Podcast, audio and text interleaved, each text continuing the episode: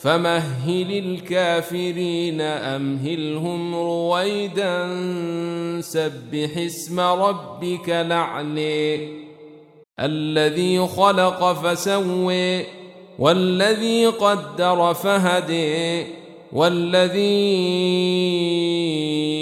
أخرج المرعي فجعله غثاء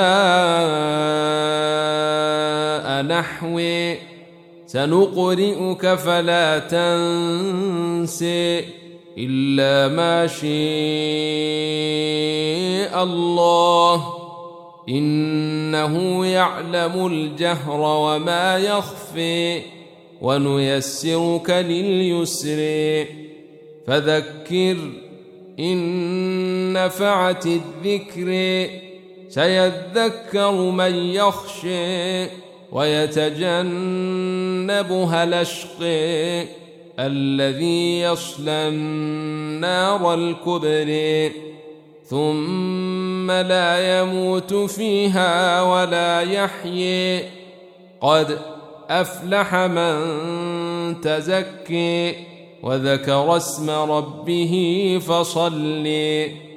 بل تؤثرون الحياة الدنيا والآخرة الآخرة خير وأبق إن هذا لفي الصحف الأولي صحف إبراهيم وموسى. هل أتيك حديث الغاشية؟